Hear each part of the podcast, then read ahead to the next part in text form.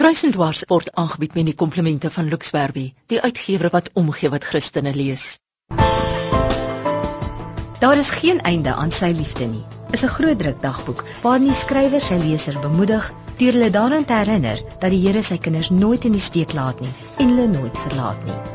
Hoewel baie dinge op hierdie aarde tot 'n einde kom, is daar geen einde aan God se liefde nie.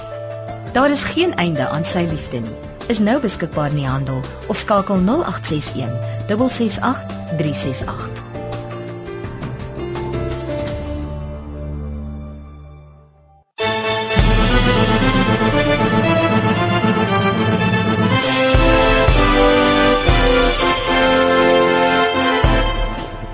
Goeienaand van my Johan Simit en jy luister na Kruis en Dwars jou in diepte godsdiens gespreksprogram op RC 100 tot 104 FM. Vanaand gesels ons oor die integrale deel wat mense natuur vorm en hoe ons daaroor moet dink. Uh een van die brandpunte in die teologiese diskussies van ons dag, maar ook heel waarskynlik in die oorlewing van die mensdom. By my atelier het ek twee gaste. Ek het vir professor Ernst Korade hier van die Universiteit van die Wes-Kaap. Vanaand Ernst, is lekker om jou hier by ons te hê. Goeienaand Johan. En dan was ook vir Dominee Kobus van der Westhuizen, hy was die voormalige moderator van die Weskaap en Suid-Kaap se node en hy's ook by ons. Hy was ook 30 jaar predikant by die Grote Kerk in Adeliestraat in die Kaap en ek dink baie mense ken hom nou nog as 'n rubriekskrywer in Landbeweekblad. Wynand en Kobus, lekker dat jy by ons is. Goeienaand Johan. Goed, uh, ek wil begin uh, en dan sommer by jou. Deesdae praat mense vreeslik maklik van 'n uh, groen teologie. Wat bedoel hulle daarmee? Ek weet daar's nou 'n groen party en party mense is groenes, maar as jy nou van 'n groen teologie praat, buig die boontjie terwyl hy jonk is of gaan dit oor iets anders? Johan dit uh groen teologie het min of meer in die 1970s uh, werklik op gang gekom hoofsaaklik as gevolg van 'n beskuldiging van uit die Amerikaanse historikus Lynn White se perspektief dat die Christendom aandadig is aan die ekologiese krisis dat dit trouens die diepste rede is waar alles begin skeefloop het. So heelwat van groen teologie of ekologiese teologie is 'n antwoord daarop. Party mense probeer verdedig en sê nee, uh, dis glad nie waar nie. Die Bybel is trouens groen en die Christelike geloof is groen. Selfs God is groen en die kerk kan ook groen wees. Terwyl ander mense sê ja, dis waar, maar ehm um, juist dit roep op uh, die die kerk op tot 'n voortgaande hervorming van alles wat binne die kerklike tradisie is. Ehm um, so groenteologie sou mens kon sê doen twee goed. Dit probeer aan die een kant die kritiek aanspreek en aan die ander kant probeer dit eh, 'n uh, bydrae lewer tot 'n positiewe uh, gesindheid rondom omgewingsorg.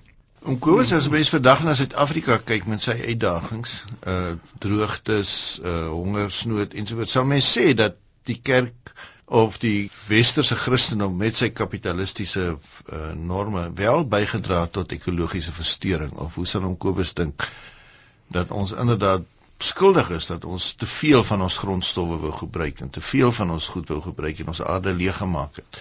Johan ja, as jy nou vra of die kerk skuldig is, nou ja, wie is nou die kerk? Die kerk is mos maar ons mense, né? So iemand moet skuldig wees af daaraan en uh, uh ek sou sê ja, ons kerkmense is is ook skuldig daaraan. Ek dink hulle is ons settend skuldig daaraan.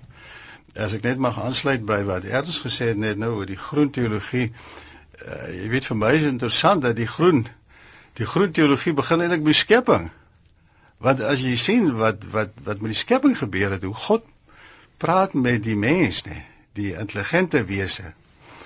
En, en dat God hom dat God vir hom sê hoe hy moet optree teenoor die natuur. Want vir my is daar baie nou verband tussen kultuur en natuur. As ek baie drie breë definisie moet gee van kultuur en nou sal eers my seker 'n bietjie reg sien, dan sal dan sal ek sê dis die manier waarop daar omgegaan word met die natuur. En nou nou as 'n mens vra hoe moet dit gebeur? Want iemand is skuldig, wie is skuldig? Wat het wat het nie gebeur nie wat moes gebeur het? Dan gaan ons terug na wat ek wil noem die oeropdrag. Die eerste opdrag aan die mens. Hier is die aarde. Hier is my skepping sê God. En jy moet daaroor heers. Maar dan nie soos 'n despoot wat alles wil inpalm nie, né? Dit is interessant, maar eh, ekskuus ek praat 'n bietjie te veel nou, nee, Johan, maar ek wil net dit vir jou sê. Wie ek kyk weer daar's interessante dinge wat daar gesê word. En een van die dinge is wat God vroeg reeds vir die mense sê. Hy sê jy is my verteenwoordiger. Jy moet my verteenwoordig ook in die manier waarop jy die natuur gaan bestuur. Want jy's 'n bestuurder, jy's nie 'n besitter nie. Jy's 'n rentmeester. Jy's 'n trustee. Een of ander tyd moet jy dit teruggee. Jy kan nie maar dit wil vat nie. Daar's ander mense wat na jou gaan kom. En as ek nou terugkom na na jou vraag of ons skuldig is, man, dan kan ons mos 'n hele dag daaroor gesels want dit dit dis ontsettend as jy sien wat gebeur het en wat gebeur het deur sogenaamde beskaafde mense. Dit sou heel waarskynlik my volgende vraag wees, Erns, jy kan daarbey inkom ook, nê, nee, is dat die mense om te teenoor die natuur opgestel het in plaas van deel van die natuur wees of hoe. Inderdaad, maar ek wil graag terugkom by die opdrag want die interessante ding is dat die uh groenteologie gaan juis presies oor die vraag rondom die uh, opdrag wat God aan ons gegee het om die aarde te bewoon en te bewerk en dit te onderwerp en daaroor te heers. Daar's 'n klomp mense wat sal sê ons groot probleem is dat ons nie die opdrag uitgevoer het nie. Uh God het vir ons gesê ons moet dit doen, maar ons het ons verantwoordelikhede versuim. En tipies sal hulle dan sê maar dieselfde aksente lê ons moet dit met verantwoordelikheid doen, ons moet dit met sorg doen, ons moet heers ja, maar dan as 'n soos 'n koning, soos koning Dawid, die herder koning met soos wat herders hulle skape op as so moet ons heers. Daar's weer ander wat sê nee, Ehm um, ons probleem is nie dat ons die opdrag versuim het nie, die, ons probleem is juist dat ons die opdrag so letterlik uitgevoer het. En daai woorde gaan hulle dan op in wat in Hebreë staan kabash en rada wat harde woorde is. In ander kontekste word dit selfs vir verkrachting gebruik. So sterk is daai woorde. So daar's mense wat sê nee, ons probleem is dat ons dit juist gedoen het en dat die dat die Joods-Christelike tradisie hierdie ehm um, aandrang het daarop dat mense nie die aarde dit wat bome, bosse, riviere is nie heilig en onaantastbaar nie. Ons moet dit juis onder beheer kry want daar's hierdie skerp onderskeid tussen skepping en skepper. So ek, ek wil maar net sê dit is juis waaroor die gesprek gaan oor hoe daai versie nou eintlik verstaan moet word. Maar in daai gesprek is dit juis om te sê dat die mens dis hom ook nie kan losmaak van die skepping en hom bo die skepping steen nie. Of lees ek dit verkeerd? Inderdaad, ehm um, maar dan is daar nou die vraag oor mens en natuur of is dit mens nie net mens en natuur nie, maar mens in die natuur. Ja, maar maar eers as ek mag inkom hier so, dis tog interessant nê nee, dat as jy nou 'n bietjie verder lees aan Genesis 2 se kant toe, hoe God die mens nou plaas nê. Nee, en dan sê hy vir hom en jy moet dit bewoon en bewerk en jy moet dit oppas. Wat wat bedoel hy met jy moet dit oppas nê? Nee? As jy dit moet oppas dan moet jy dit daarom altyd in 'n beter toestand laat as wat jy dit gekry het nie. Daarom is dit interessant dat dat God gee jy die die oeropdrag. Hy gee dit nie aan die ape of of wie ook al, hy gee dit aan die mens. En die mens aan hom gee 'n redelike sedelike bewussyn. Met ander woorde, hy kan dink en hy kan oordeel en hy kan besluite neem, nê. En en, en dis dis die taak van die mens en hy moet oppas. Dis die woorde wat daar staan, hy moet oppas. Kan ek sommer 'n paar mantige vrae gee tussen of om Kobus vra? Dan kom ons weer terug by die grootte. Man vra die paar mantige vrae maar vir erns, jy weet. Dit eh, as ek nou daai opdrag lees, lyk dit vir my dat ek mag ook eintlik nie vleis eet nie. Of staan dit nie nee, daar nie? Nee, nee, nee, ag nee, dis 'n nou moeswillige vraag daai. Vra maar 'n vermant. Maar nou nie, maar nou nie ons vleisie wegvat man. Nou vat liewer die wyn weg man, nou vat jy die vleis weg. Alles wat van die bome afval, die neute, die vrugte, dit kan jy eet. Dit kan ek eet. Volgens Genesis 1. Ja, ek het so. Oh, mense mense speel Genesis 1 en Genesis 2 teenoor mekaar af want die Genesis 2 is problematies oor die wyse waarop die man teenoor die vrou gestel word. Terwyl Genesis 1 is daar baie sagter, sal ons mens sê. Maar Genesis 1 is weer harder ten opsigte van die verhouding tussen mens en natuur as wat Genesis 2 is. Die tuinier nê van Genesis 2 terwyl die die heerser in Genesis 1. Ek eh, terwyl ons nou ten minste net ons invalshoek gestel het dat kerk en en wêreld teologie en natuur dit met mekaar te doen. Is dit regtig dat die ekologiese krisis so groot is? Of is dit net 'n nuwe hobby hos van die mens? Erns? Dit is ehm um, inderdaad 'n verrykende en ingrypende probleem. Die vraag is net presies waar die probleem lê. In die 70's het mense gedink die probleem lê by beperkte grondstowwe en dat die grondstowwe uitgeput kan raak. Toe het ons agtergekom nee, daar's eintlik nog oor genoeg grondstowwe. Ja, olie is besig om op te raak en steenkool sal ook vroeër of later opraak. En in die 80's het mense gedink nee, die probleem lê nie daar nie, dit lê by die volhoubare gebruik van ehm um, herwinbare grondstowwe soos water en grond en in plante en vis en so. Maar nou kom ons agter die probleem lê dieper en ingewikkelder en dit gaan oor die ver, die vermoë van die aarde se biosfeer, die die so mens kan sê die grond, maar ook die atmosfeer om die gifstowwe of die afvalstowwe van 'n verbruikerssamelewing weer op te neem. En klimaatsverandering is 'n simptoom daarvan dat daai vermoë oorskry word. En en daai probleem is veel ingewikkelder en moeiliker om aan te spreek as die as, as bloot die gebrek aan beskikbare grondstowwe. Vertel gou weer vir ons net die drie ontwikkelings van uit die uit die, die 70er jare. Dit is nogal interessant en min mense dink ek besef dat, dat jy ook in die krisisbestuur gegroei het. Ja. Die uh, in die 70er jare was die gesprek oor sogenaamde limits to growth. Uh saamgehang met die Club of Rome se verslag in 1972 wat sê daar is grense en daarom moet ons bevolkingsgroei aanspreek maar ons moet ook ons ongebreidelde gebruik van grondstowwe probeer um intomo. Intomo ja. En daar was toe 'n groot debat daaroor want die ekonome het gesê nee, dit is nie eintlik regtig so nie. Daar's nog heelwat grondstowwe en as dit so was, sou die prys van grondstowwe die hoogte ingeskiet het. Ek nou bedoel nou basiese er, nie herwinbare grondstowwe, dink aan yster en, en so. Ehm um, en dit was nie die geval nie. Maar in die, in die 80er jare het mense toe begin praat van volhoubare ontwikkeling sê nee, ons kan nog aangaan, maar ons moet die bronne wat ons het op 'n volhoubare manier hanteer en dan kan ons nog altyd groei. En klaar blyklik ehm um, het dit het daar nuwe probleme ontstaan want ons kan nie die bronne altyd so seer volhoubaar bestuur nie. Die, die grond word uitgeput al is dit 'n herwinbare uh, produk. Dieselfde met met uh, vis uh, in sekere dele van die wêreld het die die visvangs heeltemal in duie gestort wat sekere spesies aanbetref. En ehm um, ook rondom die die water. Water kan gesuiwer word weer, maar as jy die vermoë van van waterstelsels om hulle self skoon te maak uh, oorskry, dan beland jy ook in die moeilikheid. Dit is eintlik nog veel ingewikkelder as dit, maar nou het ons 'n ander soort probleem op die, op die tafel, naamlik die sogenaamde biosferiese grense, nie grense aan grondstowwe nie. En dis is gaan oor die vermoë van die aarde se atmosfeer om hierdie gifstowwe weer te recycle om, om te skakel in iets anders. En klimaatsverandering is 'n simptoom daarvan dat die dat die koolstofgas in die lug, veral koolstofgas, uh wel geherwin kan word of weer omgeskakel te word gewoon deur plante en fotosintese bietjie ook deur wyse waarop dit deur water geabsorbeer word maar daai vermoë word omtrent dubbel oorskry op die oomblik sodat die koolstofdioksied in die in die atmosfeer aan die opbou is en dit waar dan 'n soort warm kombersie wat jy wat jy oor die aarde sit en en dan hoef dit niemand te verbaas dat die temperatuur um, stadig aan begin styg. En die gat in die ozonlaag?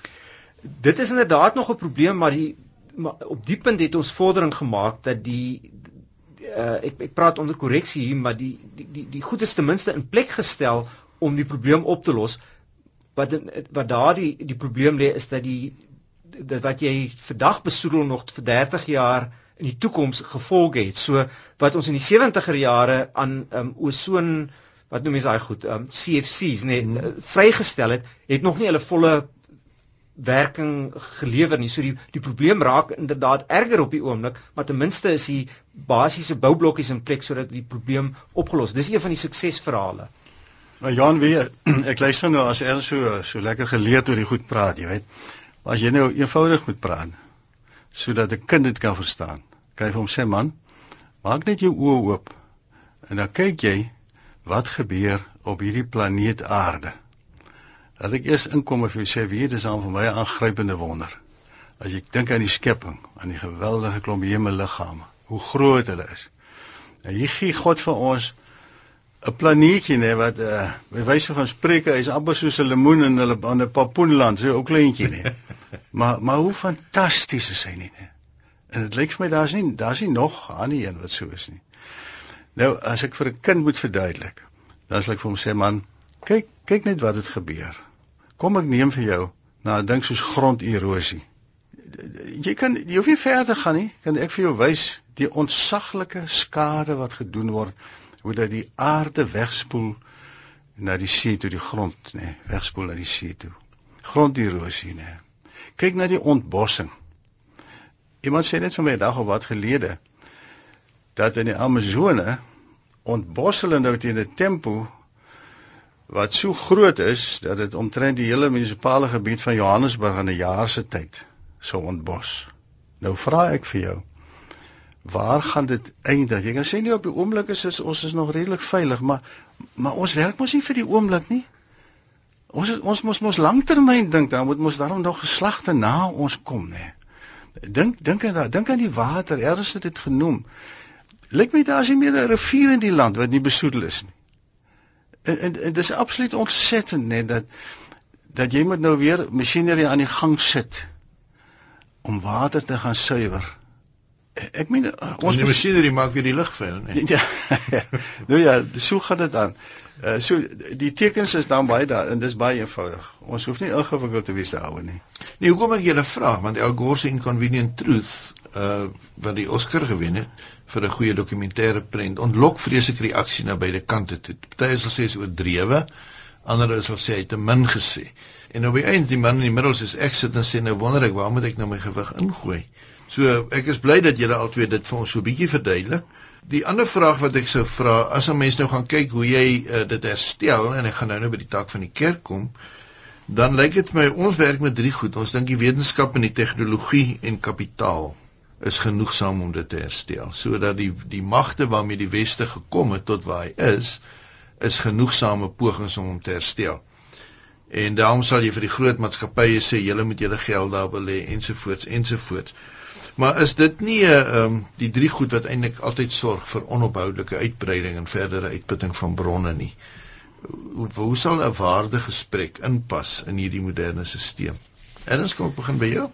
Ek dink ehm um, as 'n mens spesifiek rondom klimaatsverandering praat, uh is en ek wil eintlik net vir 'n oomblik terugkeer na na die, die vorige punt toe dan dink ek nie moet 'n mens die media se konsensus daaroor so ernstig neem soos wat jy die wetenskaplike konsensus daaroor ernstig neem nie. En dit is nie van Al Gore afhanklik nie. Dit is gewoon in die ehm um, in die wetenskaplike diskurs maar meer spesifiek in die ehm um, intergovernmental panel on climate change hulle gegevens is die gegevens wat 'n mens moet ernstig opneem. En Maar nou sou hulle by Denemark en so dit tog nie so ernstig gevat het, lyk dit vir my nie, by daai kongres. Nee, eh, daar daar was nie geen gesprek oor die oor die IPCC nie. Dit was een bepaalde universiteit se gegevens daaroor, maar eh, Al Gore maak die punt ook in in sy ehm um, dokumentêre pro program dat eh, as dat die konsensus onder wetenskaplikes rondom klimaatsverandering is ek wil sê amper 99,9%, maar as jy dan die media lees dan klink dit soos wat 50-50 is en en dit is uh, onverantwoordelik om so met die met die probleem om te gaan. Kan ek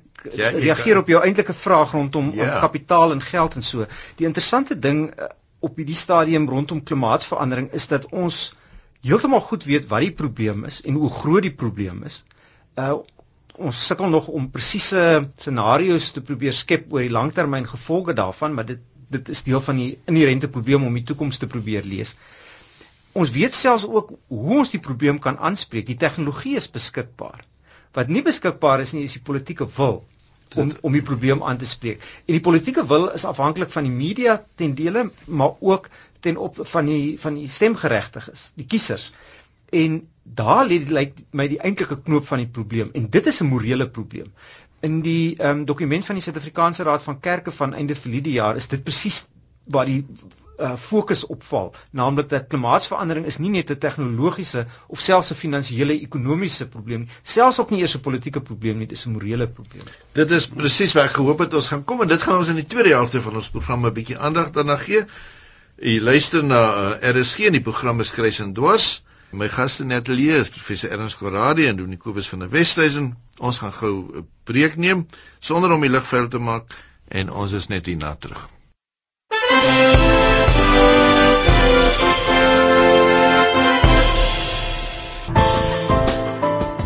Daar is geen einde aan sy liefde nie. Is 'n groot druk dagboek waarin die skrywer sy leser bemoedig deur hulle daaraan te herinner dat die Here sy kinders nooit in die steek laat nie en hulle nooit verlaat nie. Hoewel baie dinge op hierdie aarde tot 'n einde kom, is daar geen einde aan God se liefde nie. Daar is geen einde aan sy liefde nie. Is nou beskikbaar in die handel of skakel 0861 668 368.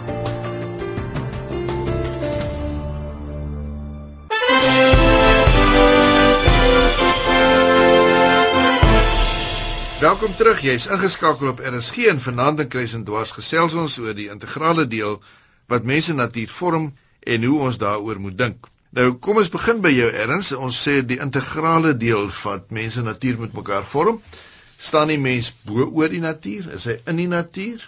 Of as ons oor sy morele verantwoordelikheid wat op Kobus so mooi vir ons uitgewys het, dat dit die kultuurtaak van hom is in 'n sekere sin, hoe doen hy dit?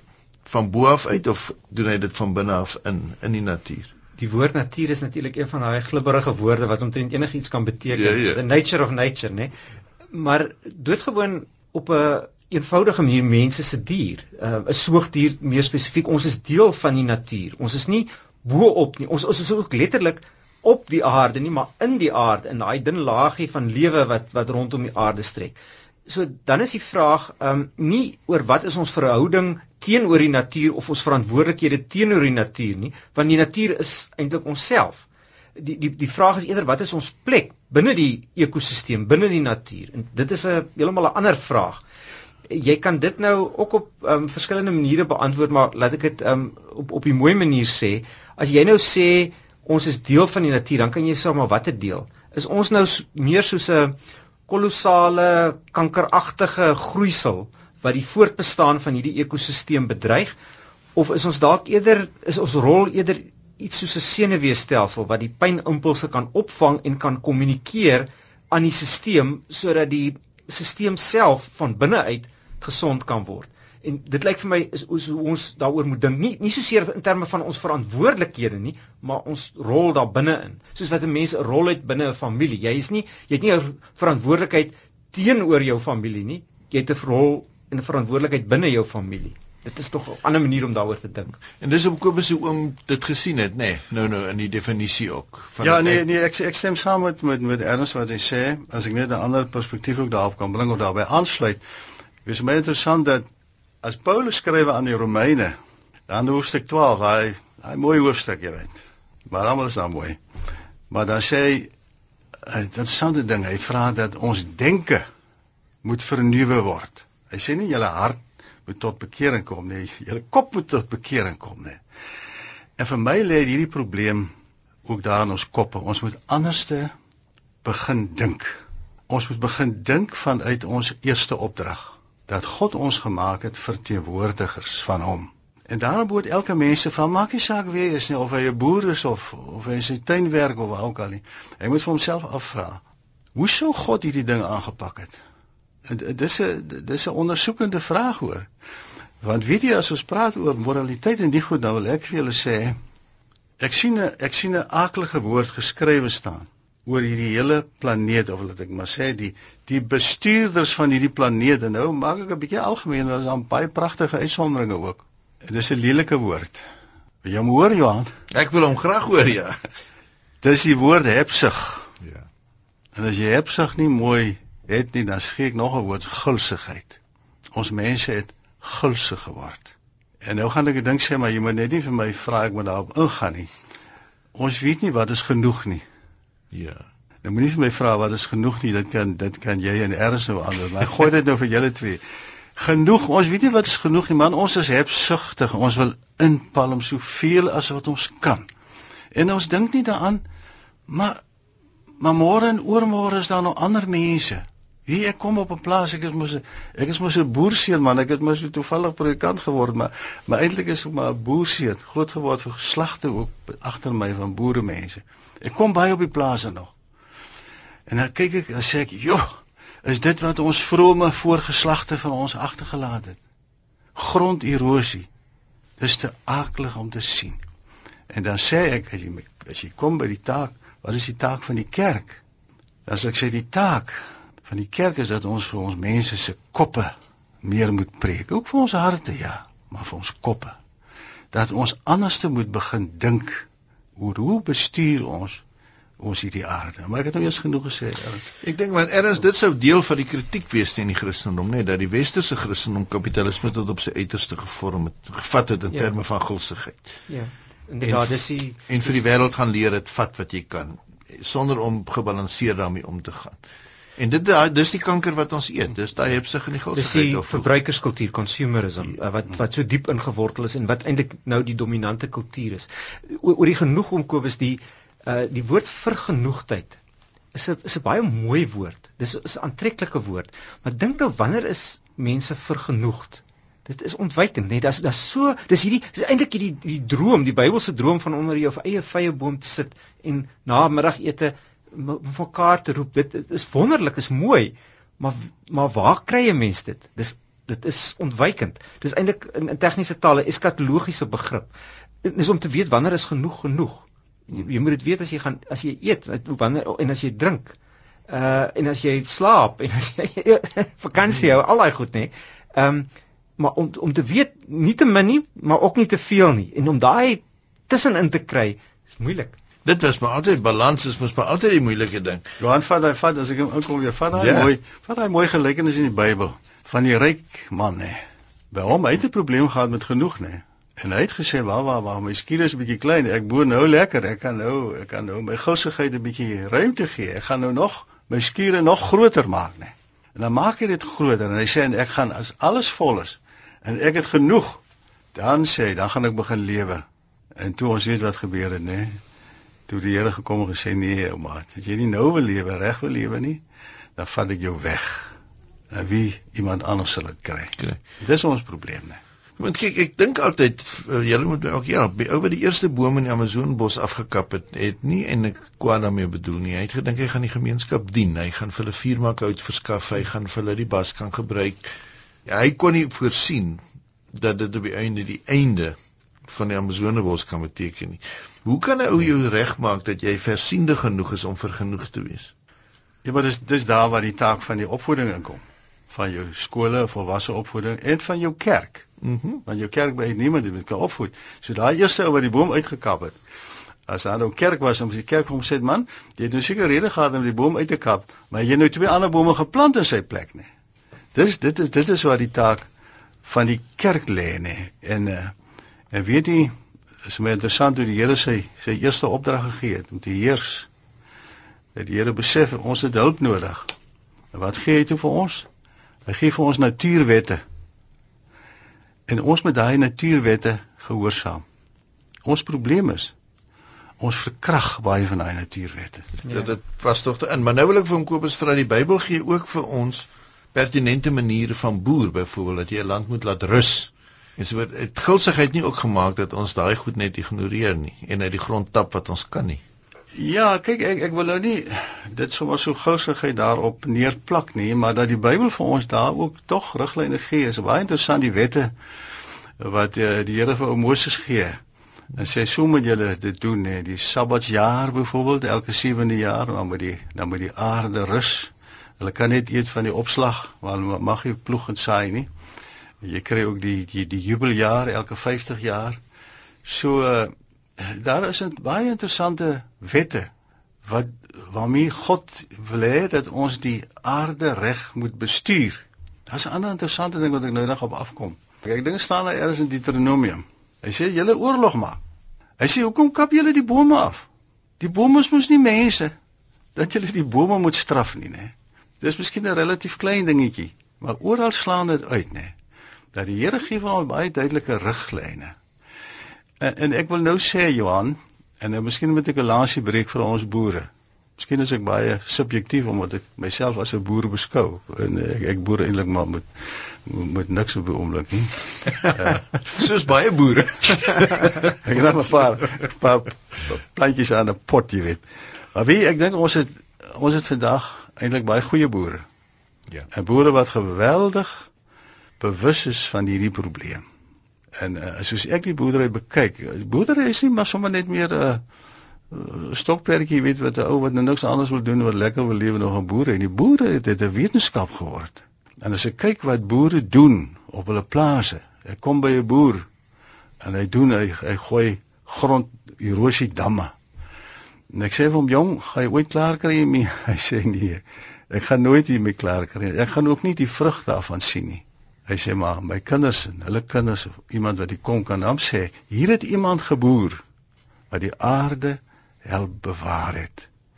En wie met ja, nou wil ek net die ou mense aanval nie want hulle is nie hier om hulle self te verdedig nie. En ons ou ons ou boere dan ook nie almal lekker geboer nie hoor. Ek ek ek moet regtig sê ons moderne boere is gestel daarop. Jy kry baie min dat 'n ou sal oorbewyding doen. Hmm. Hy besef, hy wen daar niks by nie, nee. Hmm. En en en en, en boere sorg daarvoor. Maar goed, as ons nou kom by die water in die storie, dan is dit so dat ons mense die trek baie water uit die aarde uit. Die vraag is wanneer trek jy te veel uit? Ek het al gesê hang die met daarom dit met daarom 'n groot dam wees hier onder wat hou vir al die waters wat ons uittrek nê. Nee. So mense moet daar ook seker riglyne hê, ek sê hier moet jy daarom nou begin stop nê. Nee. Die eh, die tak van die kerk erns om om by hom Kobus eintlik aan te sluit. Die ouens sê vir my dat ons het 'n denkrevolusie wat eintlik net so belangrik is soos wat die agrariese of die industriële revolusie was. Hmm. Om ons koppe te draai om dit wat met ons gebeur reg te bestuur. Sal jy daarmee saamstem? Ja, dit is inderdaad waar die waar die kern van die probleem lê. Ons het net gepraat oor oor die morele probleem. Daai morele probleem is nie net dat ons ehm um, verantwoordelikhede het nie en en dit nie nakom nie. Dis dat ons weet wat ons moet doen, maar dit nie wil doen nie. Uh soos ons weet ons moet ons naaste lief hê soos onsself, maar ons ons wil dit nie doen nie en ons kan nie eintlik half vir onsself indink hoekom ons dit nou sou wil doen nie dit is dis wel dis nie net 'n morele probleem nie, dis 'n spirituele probleem. Want die vraag is dan, waar kry jy die energie vandaan om te doen wat jy weet wat jy moet doen? Dink ook aan aan HIV. Ons almal weet wat ons moet doen om die om die epidemie te stuit, om ten minste die verdere verspreiding van die virus te stuit. Maar ons kry dit nie reg nie. Hoekom nie? Omdat daar 'n gaping is tussen kennis en doen. En dis presies in daai gaping dink ek wat die kerk 'n belangrike verantwoordelikheid het om die evangelie te preek um, eintlik niks anders nie om te sê waar kry jy jou inspirasie vandaan uit uit God se groot genade uit en presies dit daai genade is wat jou kop draai om te sê nee maar ek, ek het heeltyd eintlik op verkeerde beginsels gewerk Ja ook miskien daai dat ek nie moet slim leef nie maar moet wys leef nê nee, dat ons in ons tyd 'n verskriklike behoefte dan het om wys te leef sodat ek nie my bronne al het ek al die kennis Johanna dis ook daarom aan mekaar sê daar is daarom ook in die wêreld ook in Afrika is 'n ontsettende klomp doodgewone onkunde, né? Mense wat dit nie beter weet nie. Hulle weet nie, hulle ken nie die wet van oorsaak en gevolg nie. As jy in sekere state gaan hier in Afrika op en ek ek praat van waar ek was, ek het dit nie gehoor nie. Dan sien jy op plekke sommer so vir kilometers om mekaar sien jy sulke groot swart sakke staan. Vra ek vir iemand, wat is wat is dit? Jy sê nou dis nou die uh, charcoal, wat is 'n mooi woord vir charcoal? Dis maar charcoal, nee. Dis charcoal. Hout. Houtskool. Nou toe self vir my man hierdie mooiste inheemse harde houtbome word hier grootskaal nou gekap. Want dis vir die mense geld, dis waarvan hmm. hulle leef, nee. Maar eers moet daar 'n gesagsstruktuur wees, nee. Opvoeding aan die een kant en aan die ander kant gesagsstruktuur. Nou kom jy by die staat, dan kom jy by die regering wat moet kan sê, luister, dit kan nie gebeur, dit mag nie gebeur nie. Hier is hier's 'n punt. En ek is bevrees ons voet nie genoeg op nie. Ook ons eie mense nie, want wat my altyd ontstel is nou my biltjie wat ek kap. Ek moenie eintlik nie ek moet net vir julle die vraag vra, maar dis as ons toeriste in Afrika rondreis en hulle hierdie verskriklike groot beelde koop wat hulle dan sê het een boom is uh is net so vernietiging van die natuur want om daai boom te vervang is eintlik onmoontlik en ons moet sê ons koop nie meer sulke beelde nie want ons wil die bome bewaar. En so ek dink jy dit elke keer is die verbruiker is op die ou en die een wat hier van die goed doen. En as as ons nou moet preek vir mense sê jy ons moet hulle koppe draai, oom Kobus sê ook so, ons moet vir hulle leer wat verantwoordelikheid en voorregte is. Maar hoe doen ek dit nou prakties? Hoe hoe kry ek 'n ekologiese visie gevestig? Ek kry hom dan nou nie eers moreel reg met vigs nie. Ja, morele opvoeding is ingewikkelder as wat dit sommer net op die oppervlak mag lyk eintlik weet enige ma en pa dit as jy vir jou sê, kinders sê jy moet dit doen, dit beteken nie dat hulle gaan dit doen nie. Daar's ja. daar's daai gap. Ja, ja. So jy moet uh, as dit ware 'n klimaat skep waar binne die kinders dit later van self sal begin doen. Nou hoe doen jy dit? Jy kan dit doen deur opdragte te gee, jy kan dit doen deur kennis te gee, deur te gee die soort van opvoeding waarvan hom Kobus praat. Al daai goed is belangrik, maar daar's 'n hele paar ander goed wat ook belangrik is ehm um, nie net profetiese taal wat ons moet gebruik nie, maar ook narratiewe taal. Ons moet stories vertel van hoe mense verkeerd gemaak het, ja, maar ook hoe hulle dit anders te om uh dit, dit omgekeer het en dit reg gekry het om daai uh gronderosie om te keer in iets anders. Maar dan is daar ook nog allerlei ander goed. Ons moet luister na die stemme van die kunstenaars en die en die digters wat vir ons help om daai pynimpulse te kan uitdruk en te sê hoe hoekom is dit wat wat ons van die aarde gemaak het lelik en om dan as dit ware die dromers, nuwe mense wat met hulle verbeelding nuwe drome kan droom oor die soort van samelewing waartoe ons moet gaan sodat dit aantreklik genoeg is dat mense sê maar ja, dit ons wil dit eerder dit hê as as hierdie malle gejaag in die verbruikerskultuur. So ons het 'n hele spektrum nodig van verskillende invalshoeke wat die kerk, die soort van taal wat die kerk moet praat.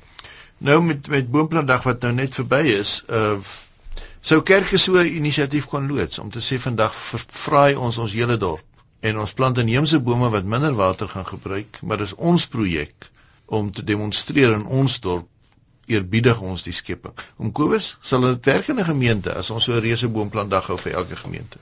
Kyk, dit hang af natuurlik waar jou gemeente is. Party is dit makliker as ander en daar's geen rede hoekom die kerk dit nie kan doen nie, maar ek sou sê ek ek sou ek sou daarvan hou dat die uh, dat die dorpsraad of die stadsraad doen en dat die kerk sê kyk hier is 'n mooi ding wat nou uit ons stadsraad uitkom. Kom ons steun dit en ons wys vir dit ons as kerk staan skouer aan skouer met hulle en ons bemoe, ons moedig ons mense aan om dit te doen hè in plaas van dat die kerk altyd die taak wil neem uit die hande van ander instansies wat daar is en wat dit eintlik moet doen. Maar maar om jou vraag te antwoord, daar's geen rede hoekom die kerk dit nie ook kan doen nie. Kyk, want baie mense sê mos nou baie engere neder, dit is nie eintlik die werk van die kerk nie. Dat die kerk werk op die siele van mense. En julle het ja. nou altyd vir my baie mooi gewerk dat ek 'n ander taak ook het in in die natuur vir my eie liggaam sorg op daai manier deur ook bome te plant en te sorg dat daar water is. Maar ek ek het bytelmal die idee dat die kerk te min gebruik maak van die geleenthede om hierdie tradisies te vestig van as jy 'n boom uithaal plant jy 'n ander een of wat ook al. Ek vra maar net ja, vir Nee, jy's reg, as jy inkom nou. Ek het wil op twee punte inkom. Die een is ehm um, ding oor die oor, oor die siele. Ons het daai probleem om om nie net ehm um, dit wat geestelik is nie, maar ook materieel, nie net die siel nie, maar ook die liggaam. Ehm um, nie net God nie, maar ook die wêreld bymekaar uit te bring vir my gevoel is is is die kern van die probleem is dat ons uh sukkel om het, om God as skepper en God as verlosser bymekaar te dink. So ons ons dink ons praat net oor die een, maar hoe kan jy oor God as verlosser praat as die, wat is wat God eintlik verlos as dit nie die skepping is nie. So die die taak van die kerk is, is om daai as dit ware die eerste artikel van die Christelike geloofsbelijdenis en die tweede artikel in dieselfde stem te sê. Want dis juis wanneer die twee van mekaar geskei word wat ons in die moeilikheid beland. Ek stem so hartlik met jou saam Ernst. Was dit 'n uh, Kuiper of Bafink wat gesê het daar's nie 'n duim breedte van hierdie aarde of van hierdie skepping waarvan God nie sê dis myne nie. Ja, Kuiper, Kuiper ja. Kuiper, nee, en as as God dit sê en ons noem onsself kinders van God, dan kom ons mos weer by daai punt wat ek aan die begin genoem het. Ek is 'n verteenwoordiger van God. Dan moet ek mos doen wat wat God sê. En dan moet ek kyk of ek nie bietjie die die hebsig ergens 'n plan met hom kan maak. Daar is ook uh, ek weet van van kerke in ander wêrelddele wat baie sterk werk, byvoorbeeld in sinode wat mense sou aanbeveel vir hulle binne hulle ekonomiese omstandighede dit moontlik is om nie motors te koop nie, maar net van publieke vervoer te maak om minder koste te doen waar kerke regtig prakties betrokke geraak het. Sou jy vir ons kerk so iets kan beveel? Dit is hoegenaamd nie net teoreties nie. Daar kerke reg oor die wêreld is uh, intens betrokke by boomplant om net een voorbeeld te noem. In die um, in Mashwingo distrik in Zimbabwe was daai wonderlike projek wat deur Martinus Daniel ge voortgedryf is waar onafhanklike Afrika onafhanklike kerke saam met tradisionele godsdienste 'n uh, 'n uitgebreide veldtog gehad het rondom bome plant in 'n in 'n deel wat juis gelei het as gevolg van ontbossing en letterlik miljoene bome aangeplant het in in die in die moeilikste tyd denkbaar. So dit is dit is doodgewoon sodat daar kerke oral oor die wêreld is wat sê ja, ons moet dit doen en en en die nagmaal dan anders te begin verstaan en die doop anders begin verstaan rondom water. Ehm um, trouwens ons is in die maand wat ons op die oomblik is is dit die sogenaamde seisoen van die skepping wat deur die ehm um, patriarg van die ortodokse kerk uh voorgestel is en wêreldwyd nou geïmplementeer word ook in die NG Kerk ook in Suid-Afrika is daar uh mense wat uh of gemeentes wat sê die uh sê, sê die eerste 4 weke van September baie keer tot die middel van Oktober is die seisoen van die skepping. Net soos wat jy tyd het in die kerklike jaar wat jy oor Advent en oor Pinkster en oor Lydenstyd dink is daar ook 'n tyd wat ons moet dink oor wat dit beteken dat God die skepper is en ook die verlosser Uh so dit is dan 'n geleentheid om die hele liturgie daar volgens in te rig en en presies dit het nie dalk nie onmiddellike gevolge wat mense goed gaan doen nie, maar wat hulle uh op die langtermyn mense se denke swai om te sê nee, maar dit is dit het alles te maak met die evangelie. Want dis 'n verskriklike ja. belangrike ding dat ek dink baie keer leef ons 'n bietjie geïsoleerd van wat teologies ekologies gebeur wêreldwyd. Ook as ou gaan kyk van die besluite by Accra en verskillende plekke dat kerke in die land nog nie regtig wakker genoeg is om te besef hoe belangrik hierdie ding vir Suid-Afrika is nie. Om Kobus het nou oor grondstowwe gepraat, jy het gepraat.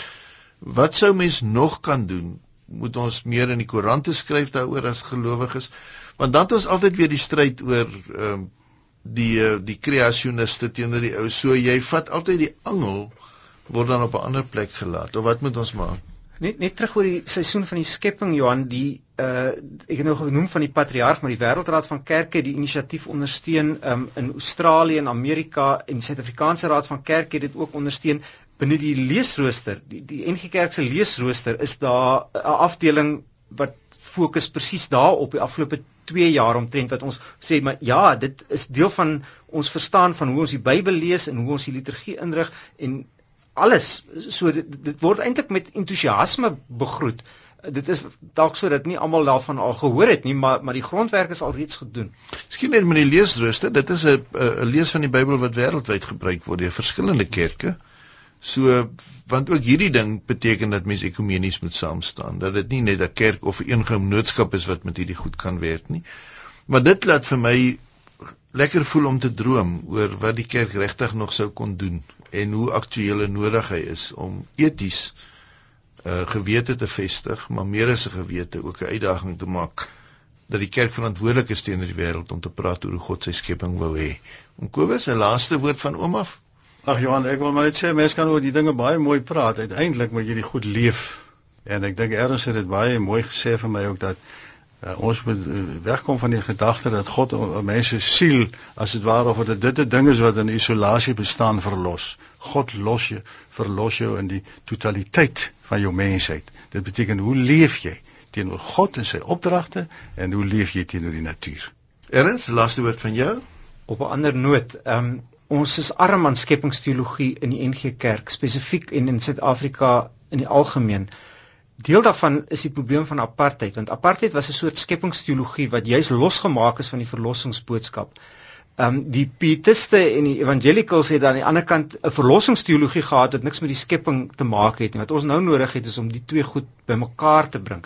En ons het die wortels in die gereformeerde tradisie om dit te doen by Calvin, by Kuyper, maar veral by Bavinck is die goed bymekaar. Hy praat van verlossing as herskepping en ons moet daai hulpbronne in ons eie tradisie weer gaan ontgin. Dink jy dit nou vir dominees en vir lidmate werk gegee en ek dink hoop dat ons oor die land almal hierdie goed ernstig gaan vat want op die einde is ons vir ons oorlewing ook daarvan afhanklik. Baie dankie aan al ons deelnemers vir julle insigte en julle deelname. Dankie dat julle twee by ons was.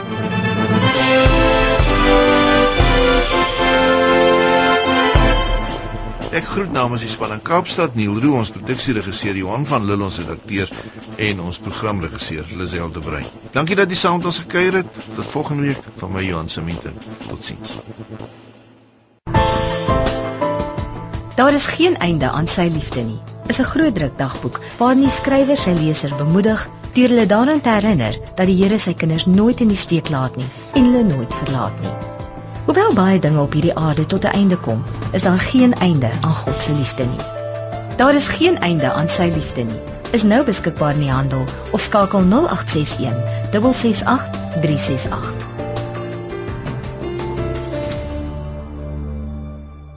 Kruisendwars is aangebied met die komplimente van Lux Werby, die uitgewer wat omgee wat Christene lees.